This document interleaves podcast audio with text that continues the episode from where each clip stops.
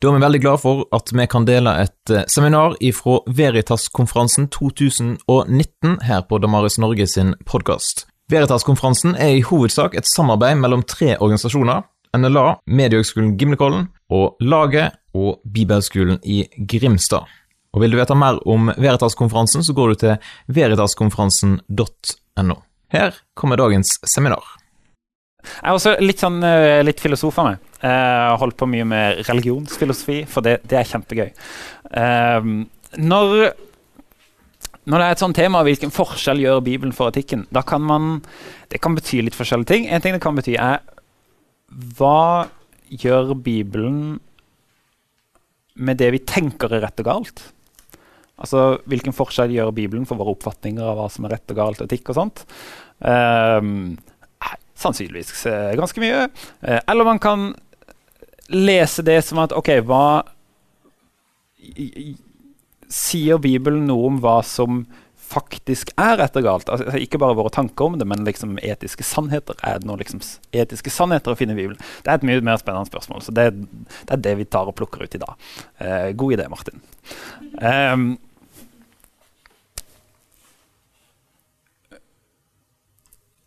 Bibelen Bibelen. Eh, har den noe å komme med? Sier den noe sant om etikk? Eh, til det spørsmålet det tar vi jo bare veldig kjapt. Eh, jeg sier ja. Bibelen sier noe sant om etikk. Og det sier jeg fordi hva man tror om virkeligheten, har noe å si for hva man tror er rett og galt. Altså hvis man, hvis man tenker om virkeligheten at verden består av liksom Det består av atomer, materie, ting man kan liksom banke på, og that's it. Ikke noe mer. Da har det noe å si for hva man tenker om etikk. Hvis man tenker at her er det veldig mye mer Verden er ikke bare verden, verden er et skaperverk. Det er skapt av Gud. Vi er skapt av Gud på en viss måte og med et visst mål. Så har det også noe å si for hva man tenker om etikk.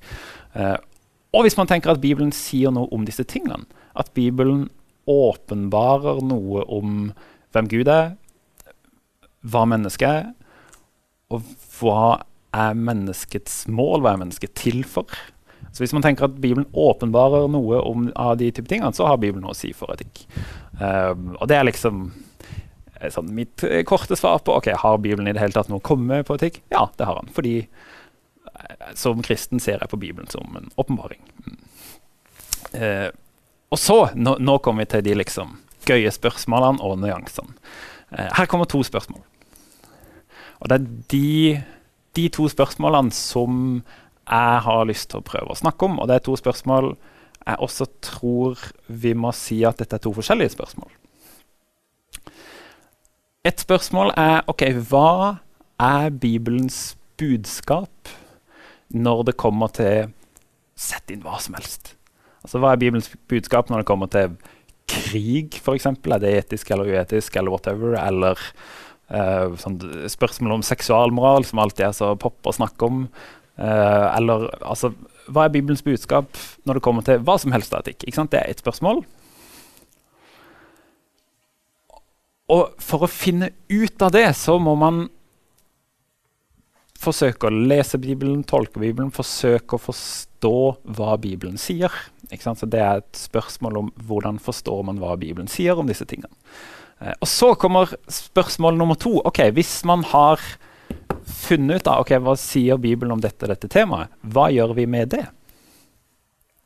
Og hvilken plass får det? Um,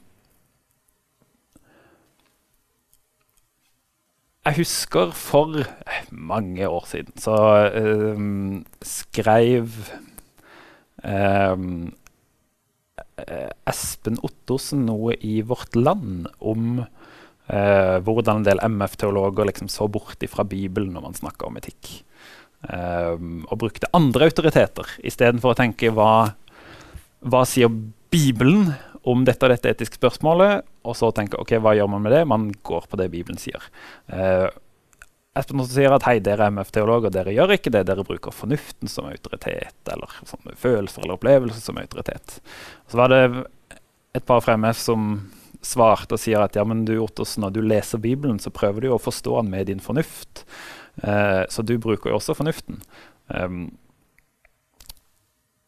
de skilte ikke da mellom disse to spørsmålene. Ok, Ottersen brukte fornuften når han leste Bibelen, men når han da fant ut hva er det Bibelen sier i disse spørsmålene, så er det en autoritet som står sterkere og veier tyngre enn andre autoriteter. Uh, så han vil da si at ok, når vi da har funnet ut hva Bibelen sier, så veier Bibelen aller tyngst på skåla. Eh, og der vil noen tenke annerledes enn han. ikke sant? Tenke at ok, andre ting veier kanskje like tungt, eller kanskje tyngre, eller hva som helst. Eh, min plan nå er å se litt på hvordan forskjellige kristne har svart på disse spørsmålene. Hvordan forskjellige kristne har ulik fremgangsmåte når man prøver å finne ut hva som er Bibelens budskap, og hvordan ulike kristne har ulik fremgangsmåte når man spør når man, hva gjør vi med det Bibelen sier. Um, og da prøve å forstå at OK, kanskje det er derfor noen som jeg er ikke veldig glad i det chillet, men noen som er mer på den konservative sida, tenker sånn og sånn. Eller noen med mer liberal side tenker sånn og sånn. Prøve å forstå litt hvorfor tenker folk sånn som de tenker. Um, og så skal jeg avslutte med å si hvordan alle burde tenke, for det er sånn som jeg tenker. Og alle burde jo tenke sånn som meg, da. Ja. Um, det er min plan. OK, først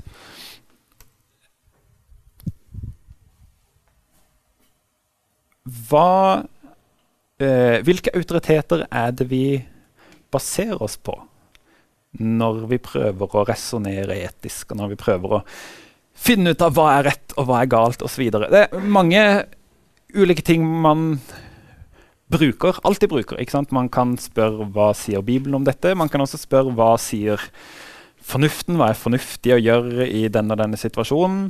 Hva sier liksom, erfaringene, eller hva sier følelsene? Eh, av og til ser de kanskje ut til å kollidere litt, eller at det i det minste er en del tension her. Um, det er f.eks. veldig lett å tenke at ok, hvis man har en eller annen sånn veldig aggressiv part et eller annet sted i verden, si Hitler eller si IS eller si whatever, så er det på en måte fornuftig å møte de med makt og på en måte gå til en eller annen slags krig mot IS. Um, og så har man også bibeltekster sant, rundt Jesus som bare ser ut til å si at vold er aldri løsninga. Uh, der Jesus går en sånn derre en, en, en, vei som bare aldri er voldelig. Eh, og når noen prøver å liksom trekke opp sverdet for Jesus, så sier han nei, nei, nei, ikke, ikke på denne måten. Uh, så Av og til er det noen slags det er noen spenninger kanskje mellom hva er det bibeltekstene sier at det er rett eller galt, og hva er det vår fornuft eller følelser eller erfaring sier at det er rett og galt. Um, hvordan håndterer man den type spenninger?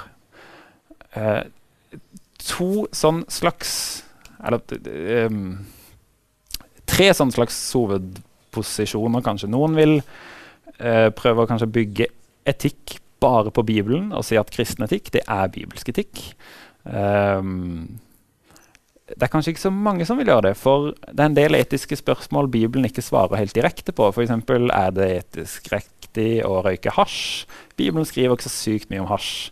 Uh, så for å prøve å svare på det spørsmålet, så må man prøve å resonnere rundt hvordan Hvordan kan noe i Bibelen kanskje brukes på dette nye problemet, eller hvordan tenke fornuftig om hasj? Er det fornuftig, eller ja. Um, så OK, kanskje vi må bruke noe mer enn Bibelen. Kanskje Bibelen må ha stor vekt. Men, men hvor stor vekt skal Bibelen ha?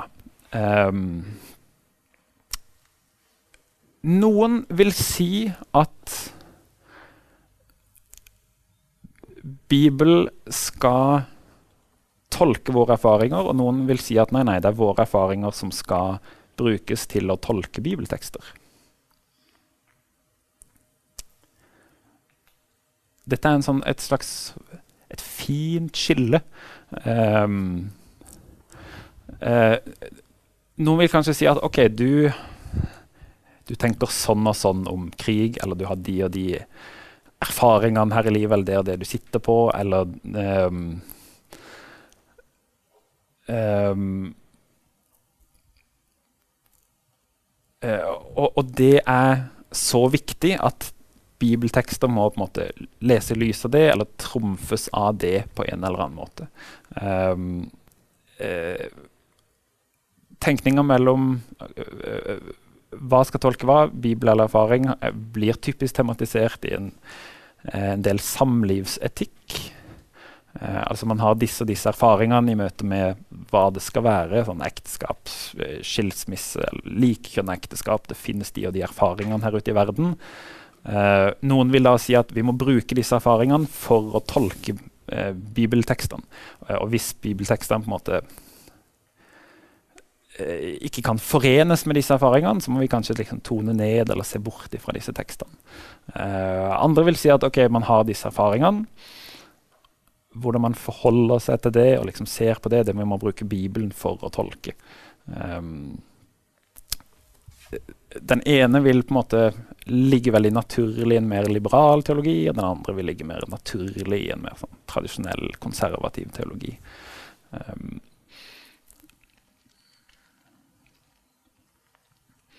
jeg hadde en veileder uh, når jeg skrev en sånn doktoravhandling, uh, som sa at det skjedde et slags gjennombrudd for han. Han hadde jobba lenge med, med etikk og med Paulus, og hadde liksom slåss litt med dette at Paulus han, meg og min veileder var enige liksom om hva er det Paulus sier om likekjønna ekteskap. Det var greia der. Hvordan, altså, homofile forhold, er det greit eller er det ikke greit? Um, uh, når jeg leste Paulus, så tenker jeg at Paulus sier at det ikke er greit. Når han leste Paulus, tenkte han at Paulus sier at det ikke er greit. Uh, han kom til den konklusjonen at ok, hva gjør vi med dette? Vi må tenke at Paulus tok feil. Uh, vi må tenke at Paulus Vi klarer ikke å forene liksom, erfaringer med det Paulus skriver, så vi må liksom dytte ned Paulus. Uh, Eh, så er jeg nok ikke villig til å ta det steget. Sjøl tenker jeg at, eh, at Bibelen bør veie veldig veldig tungt. Og at livet ikke tolker seg sjøl, men at livet blir da tolka gjennom Bibelen, gjennom Guds åpenbaring. Um, så jeg vil ja, si at på denne vektskåla så veier Bibelen fryktelig tungt. Da. Det er jo sånn jeg tenker. Alle bør tenke sånn. Ja. Um, mm. Så hva gjør vi med Bibelen? Ah, noen vil si han veier tungt, noen vil si at han veier ikke så tungt. Jeg vil si at han veier ganske tungt.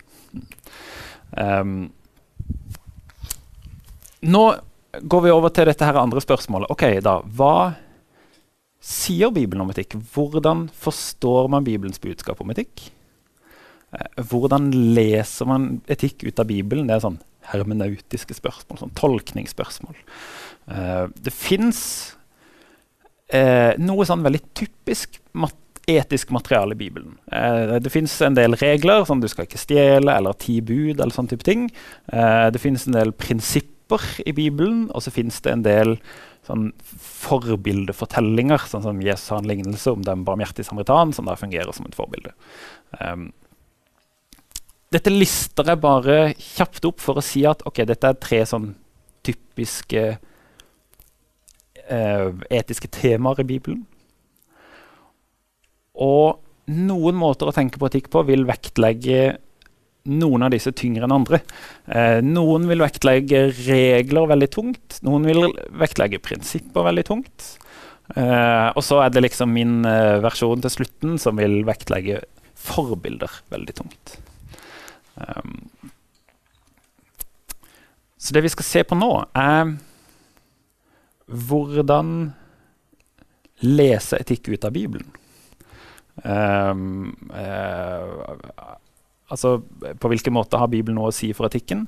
Ja, folk vil si at den har noe å si på veldig forskjellige måter. og Nå skal vi prøve å liksom forstå litt hvordan ulike folk tenker.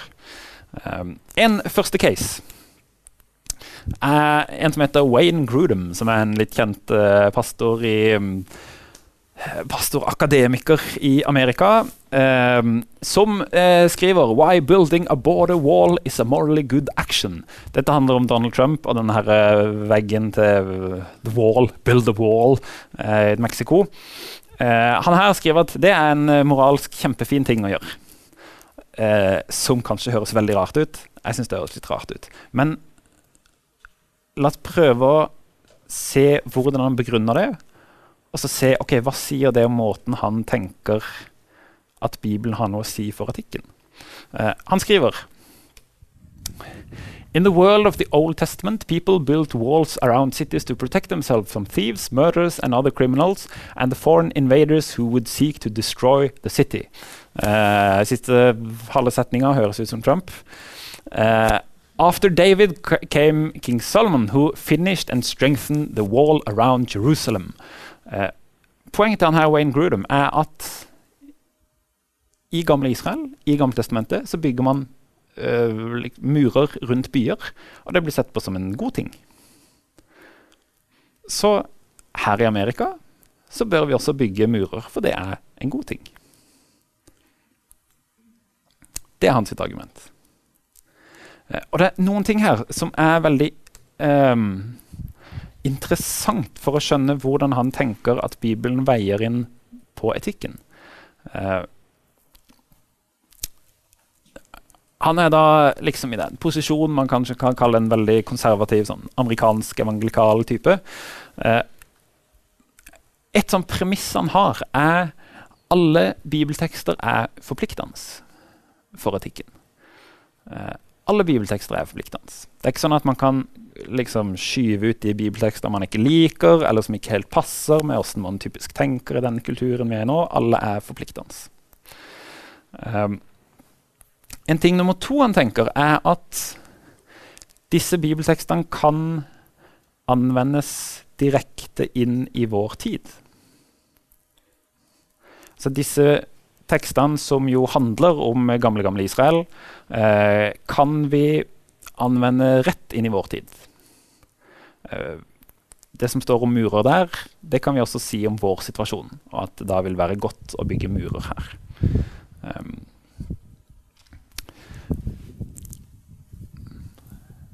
det er én måte å hente etikk ut av Bibelen på.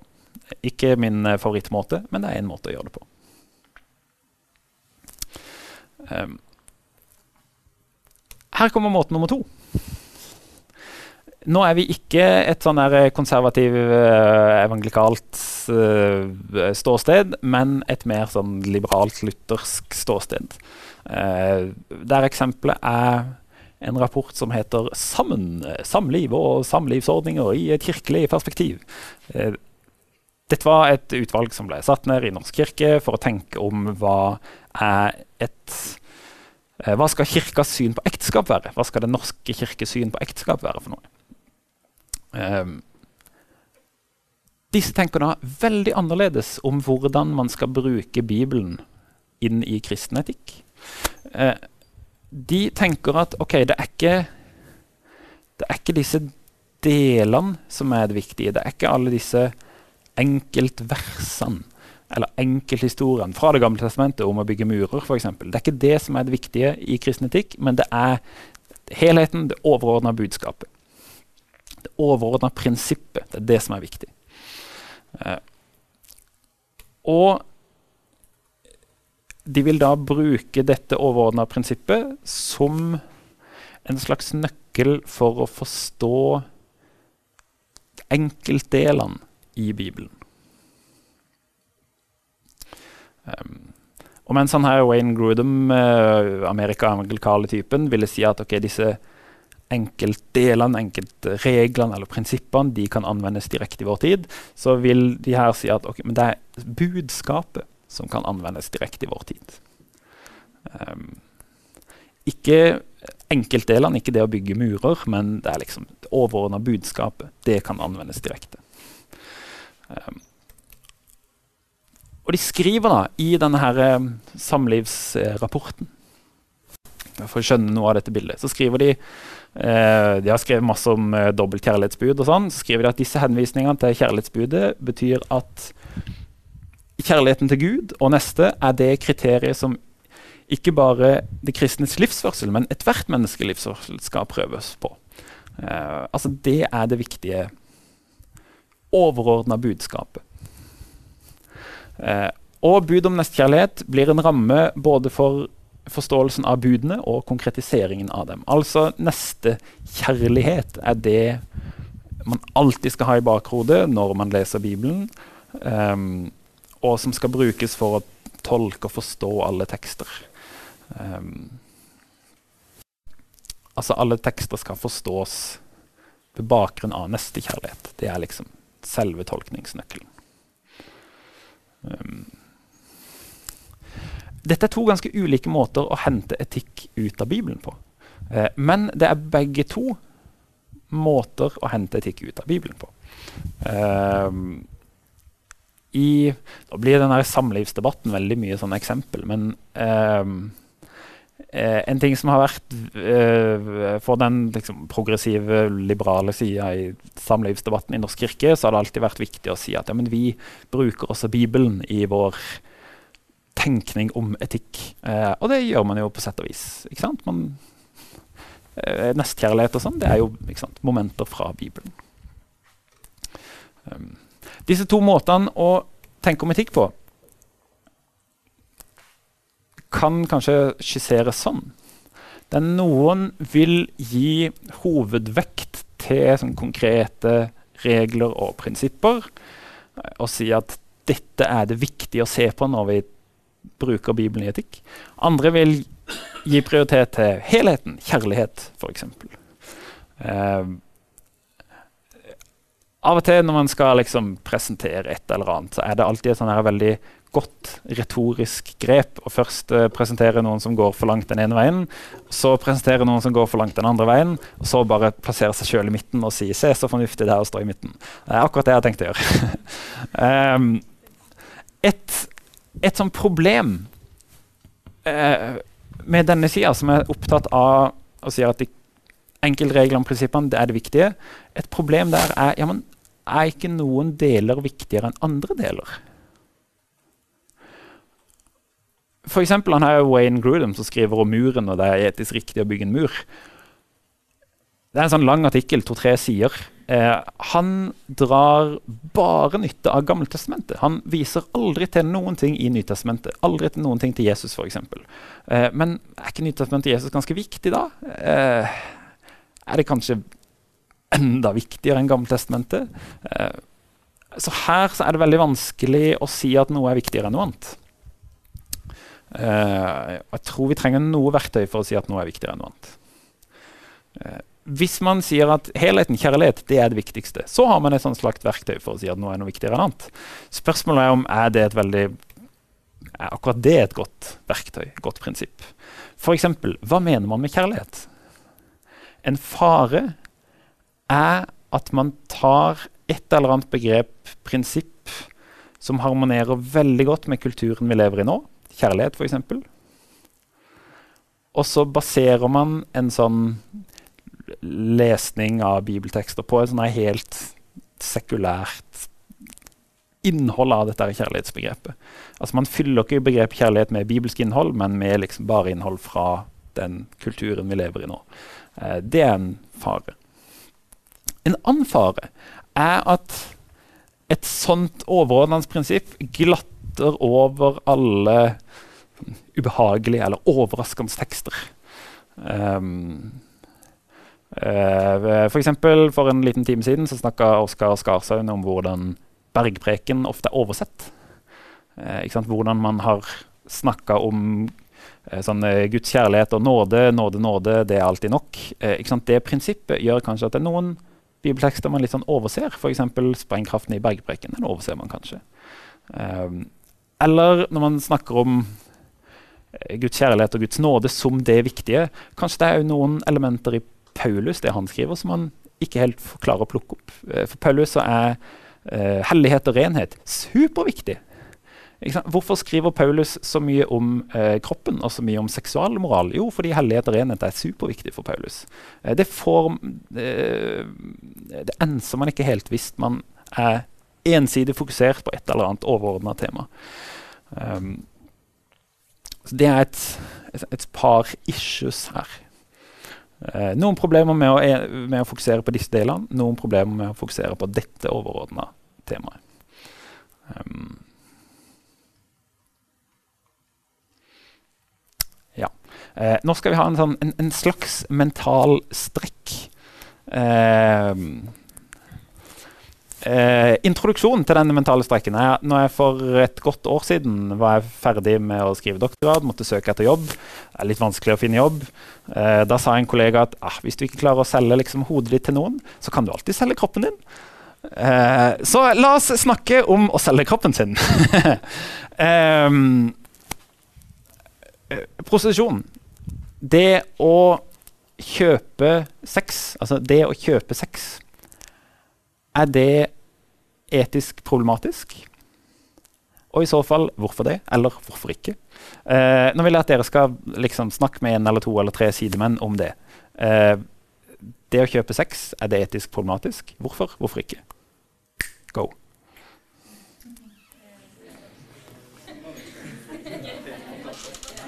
OK, nå, eh, nå er dere eh, litt varme. Litt varme på temaet. La oss ta sånn ei ei kjapp runde.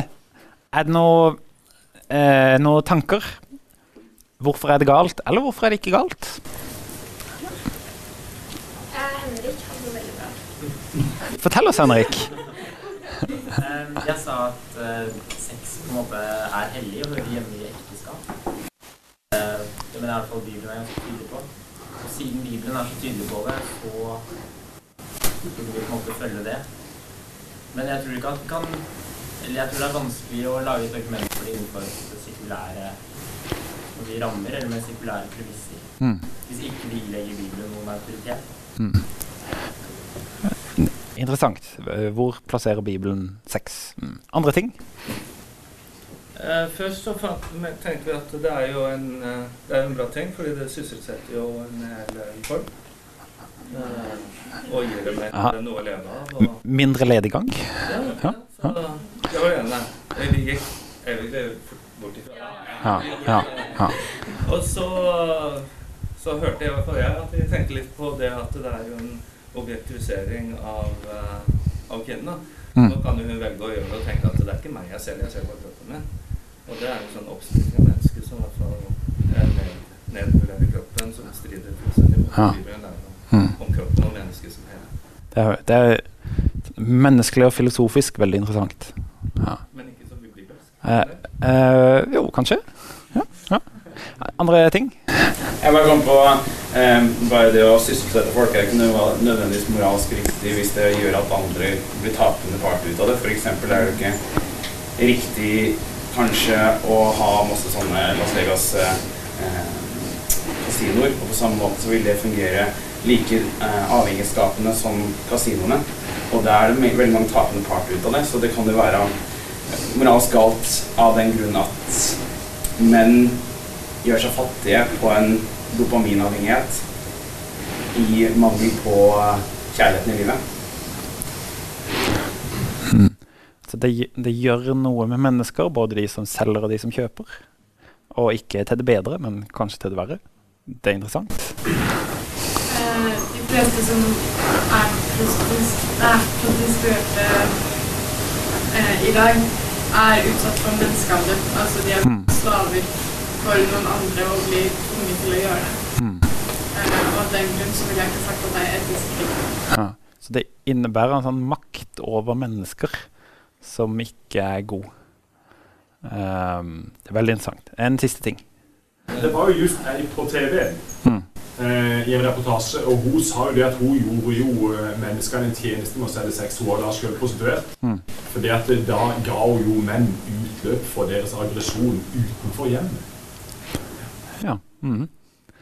Eh, ja. Så mens, mens, noen mener at dette har negative konsekvenser for de som selger og kjøper, ja, kanskje noen gode konsekvenser for de som kjøper. Uh, who knows? Ja. Uh, var det en her? Ja. ja um, litt i tråd med menneskehandel og sånn, da, så, så, bare lurte jeg på liksom Hvem er det egentlig som selger sexen? Er det hun som står på gata, eller er det noen bakmenn som hun er bundet til, da? Eh, som, som selger da, hvordan, hvordan, skal vi skylde det? Hvordan skal vi vite det? Det oppstår jo gjerne ikke mulighet for, for å avklare det bare i samtale mellom en mann og hun. Mm. Når hun står der, skal hun spørre liksom, er det virkelig du, har du virkelig lyst til dette, eller mm. Ja. Eh, og så lurer jeg også på hvor eh, Hvis det er hun, hvis det er selvvalgt, og dette er noe hun tenkte at liksom, jeg har lyst til å teste ut, jeg kan tjene mye penger på det eh, Fra hun har tatt det valget, da til liksom, kanskje det har gått en liten stund og holdt på med det, skal man tenke at fordi at hun tok det valget, det er frivillig, ikke sant? Hvis man skal tenke at eh, fra hun tok det valget og, og, valgte å starte med dette, derfor er det greit. Mm. Eh, hvor på en måte um, Det kan jo skje veldig mye imellom fra det punktet da til um, noen år senere, mm. uh, hvor hun gjerne kanskje starta som frivillig dette har lyst til å med, til uh, å komme til et punkt hvor hun føler seg bundet, kommer seg ikke ut, kanskje hun er rusavhengig, kanskje hun har uh, ja, måtte ta abort. ikke sant? Altså Det er veldig mye annet som kan oppstå underveis, som kan gjøre at det er mye vanskeligere. Det kan starte som noe frivillig, noe greit, og så kan det bli noe ja. Det var en solskinnshistorie, og jeg, det var liksom min frigjøring å gjøre som jeg vil. Ja. Eh, og liksom nå nå lever jeg livet akkurat sånn som jeg vil, og så har det liksom krasja kanskje etter hvert. Who knows? Um, dette er veldig mange interessante momenter. Nå har vi dekka liksom hovedlinja alle argumenter uh, mot, hvert fall, og noe for. Uh, og litt sånn minnefrigjøring, kanskje et sånn argument for. Uh, husk nå på de, de, to første spørsmålene jeg stilte. Én ting er hvordan finner vi ut hva Bibelen sier om etikk? Der har jeg skissert noen er opptatt av detaljer, noen er opptatt av helheten. Spørsmål to okay, hva gjør vi med det? Hvordan veier vi i etiske spørsmål? Uh, hvordan har vi nå veid i etiske spørsmål? Veldig mye på sånn, filosofiske premisser om hva er liksom hva er et menneske og en kropp, og skille kropp og sjel? Eller på sånn en slags konsekvensialisme. Hva, hva, gir gode konsekvenser her? Fører det til noe dumt? Fører det til noe godt? Eh, for det er kanskje ikke umiddelbart så lett å tenke at Bibelen skriver så veldig mye om prostitusjon. Eh, Paulus skriver om prostitusjon. Og det er kjempeinteressant å se hvordan han skriver om prostitusjon. Paulus skriver Kroppen er ikke til for hor, den er til for Herren. Og Herren er for kroppen. Gud reiste opp Herren, og ved sin kraft skal han også reise oss opp. Vet dere ikke at kroppen deres er Kristi lemmer? Skal jeg da ta Kristi lemmer og gjøre dem til en hores lemmer? Det må ikke skje. Eller vet dere ikke at når noen holder seg til en hore, blir de én kropp? For det står de to skal være én kropp, men den som holder seg til Kristus, blir én ånd med ham. Hold dere langt bort fra hor. Alt synd som et menneske gjør, er utenfor kroppen. Men det som driver hor, synder mot sin egen kropp. Vet dere ikke at kroppen deres er et tempel for Den hellige ånd, som bor i dere, og som er fra Gud? Dere tilhører ikke lenger dere selv, dere er kjøpt, og prisen er betalt. Bruk da kroppen til Guds ære. Um, her skriver ikke Paulus noe om skaperordning eh, eller sånne ting. Eh, jeg skriver ikke så veldig mye om ekteskap heller. Men når Paulus skriver om prosesjon Dette handler masse om Kristus. At nå er dere ett med Kristus. Og at dere er ett med Kristus, skal ha noe å si for hvordan dere lever. Og han sier noe om hva okay, hva vil det si å være en kropp? Det å være, en, å være ett med Kristus. Det vil si at man skal ikke drive og liksom bli ett, og så ikke bli ett med noen. Hvis man er først ett med noen, så er man ett med noen. Det er en sånn trofasthet. Uh, som er f.eks. i et ekteskap, men som ikke er når man kjøper og selger sex. Uh, og han skriver om oppstandelsen, og han skriver om Den hellige ånd. Han trekker inn så mye teologi her. Som liksom bare ikke er helt sånn en naturlig instinkt for oss å gjøre. Um, så øh, hvis jeg vil på en måte trekke frem noe av dette her, så er det OK Klarer vi å tenke skikkelig teologisk om etikk, om etikk og skikkelig kristologisk om etikk? Klarer vi å tenke etikk som noe som kretser rundt Kristus? Og dette her kretser rundt Kristus hele veien. Kristi liv, ett med Kristus, Kristi oppstandelse. Um, det er min foretrukne måte å tenke etikk på. Uh, og det er liksom min måte å tenke etikk på at Bibelen har noe å si for etikken. Uh, hvorfor det? Pga. Jesus. Uh, Uh, ingenting. Jeg, elsker å snakke, så nå skal jeg bare prate. Ja. Um, uh, dette er min sånn avsluttende uh, punchline. Um, dere har kanskje hørt jeg sagt, at liksom, kristen etikk handler om Guds bud. Kristen etikk er liksom de ti bud, eller budene her og der, eller nestekjærlighetsbudet, eller osv. osv. Um, jeg tror ikke det er det viktige i kristen etikk. Eh, jeg tror det er noe viktigere. Og så kommer dette på andreplass, kanskje. Um, uh, Jesus kommer med noen bud. F.eks. han sier 'elsk hverandre'. Men hvorfor det? Og Når Jesus kommer med en del sånne bud, så begrunner han de. Han sier f.eks. Um, uh, vi begynner lenger tilbake. Eh, Mosebøkene kan man lese at israelsfolket skal være hellige fordi Herren, deres Gud, er hellig. Så kan man lese Jesus si at dere skal være barmhjertige slik deres far er barmhjertig. Eh, eller vi kan lese han sier at slik som Faderen har elsket meg, har jeg elsket dere. Dere skal elske hverandre slik som jeg har elsket dere. Uh, mitt sånn slags teologiske poeng her er at etikk handler ikke om regler Gud har gitt, som vi skal følge fordi Gud har gitt noen regler som vi skal følge. Eh, man skal ikke gjøre disse her tingene fordi Gud sier det, men fordi sånn er Gud. Og man som kristne er kalt til å ligne på Gud. Eh, Gammeltestamentetikk handler typisk om vi er Guds folk. Hva betyr det for hvordan vi skal leve? Nytestamentetikk vi er i Kristus. Hva betyr det for hvordan vi skal leve? Det betyr at nå er Jesus forbildet som man skal prøve å etterligne. Det tror jeg er sånn en kjempegod tolkningsnøkkel når man henter etikk ut av Bibelen. Uh, etikk handler om hva er det kristne liv. Og hva er det kristne liv? Jo, å ligne på Kristus. Um, det er en sånn Kristus-sentrert tilnærming til Bibelen.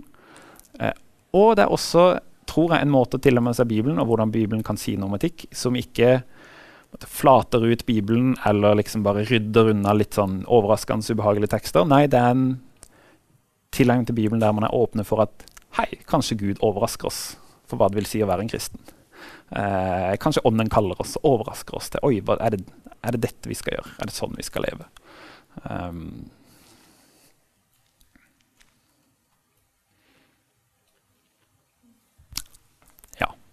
Eh, nå, jeg tror vi har ett og et halvt minutt igjen, eller sånt. Så det kan være vi har tid til et spørsmål eller to, hvis noen har liksom noe de eh, lurer på. Eh, jeg tenker på sånn Fellesspørsmålet hvis Gud er Det er jo ingen damer i den treenigheten, f.eks. Det er veldig vanskelig å se for seg noe argument for eh, enten det ene eller det andre, hvis, hvis Gud skal være det. Da må jeg se på hva Jesus sier da, om ekteskapet. Men det er jo mot det du, det du har skrevet om der. Um,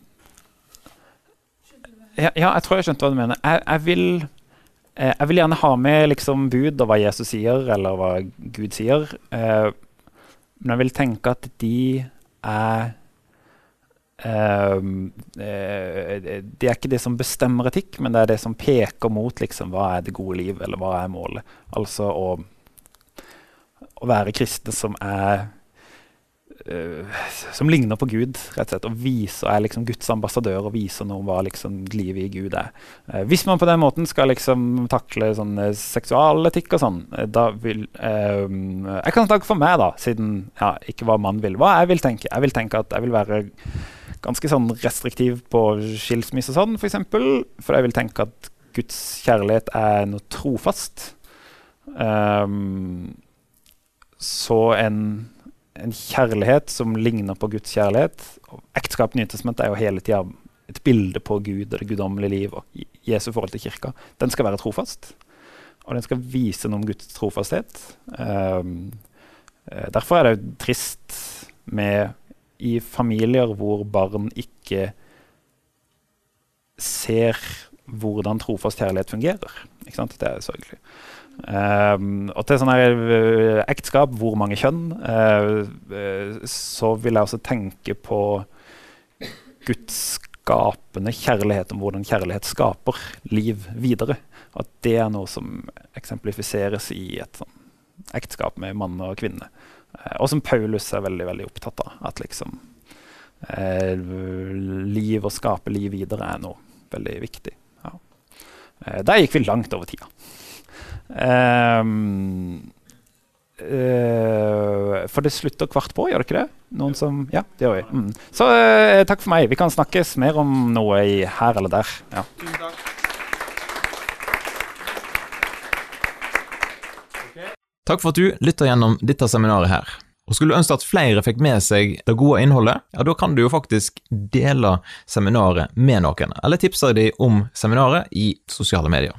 Vi setter jo veldig stor pris på om du har lyst til å skrive en anmeldelse av Damaris Norge sin podkast på de ulike podkastplattformene. Da hjelper det oss å løfte podkasten opp, sånn at flere får nytte av den. Jeg vil også nevne at eh, du kan ha mulighet for å kjøpe diverse bøker via nettsida snakkomtro.no, der flere av de som eh, var med på Veritas-konferansen, har sine bøker tilgjengelig der. Så sjekk ut Snakk om tro, og kjøp gjerne ei bok eller to.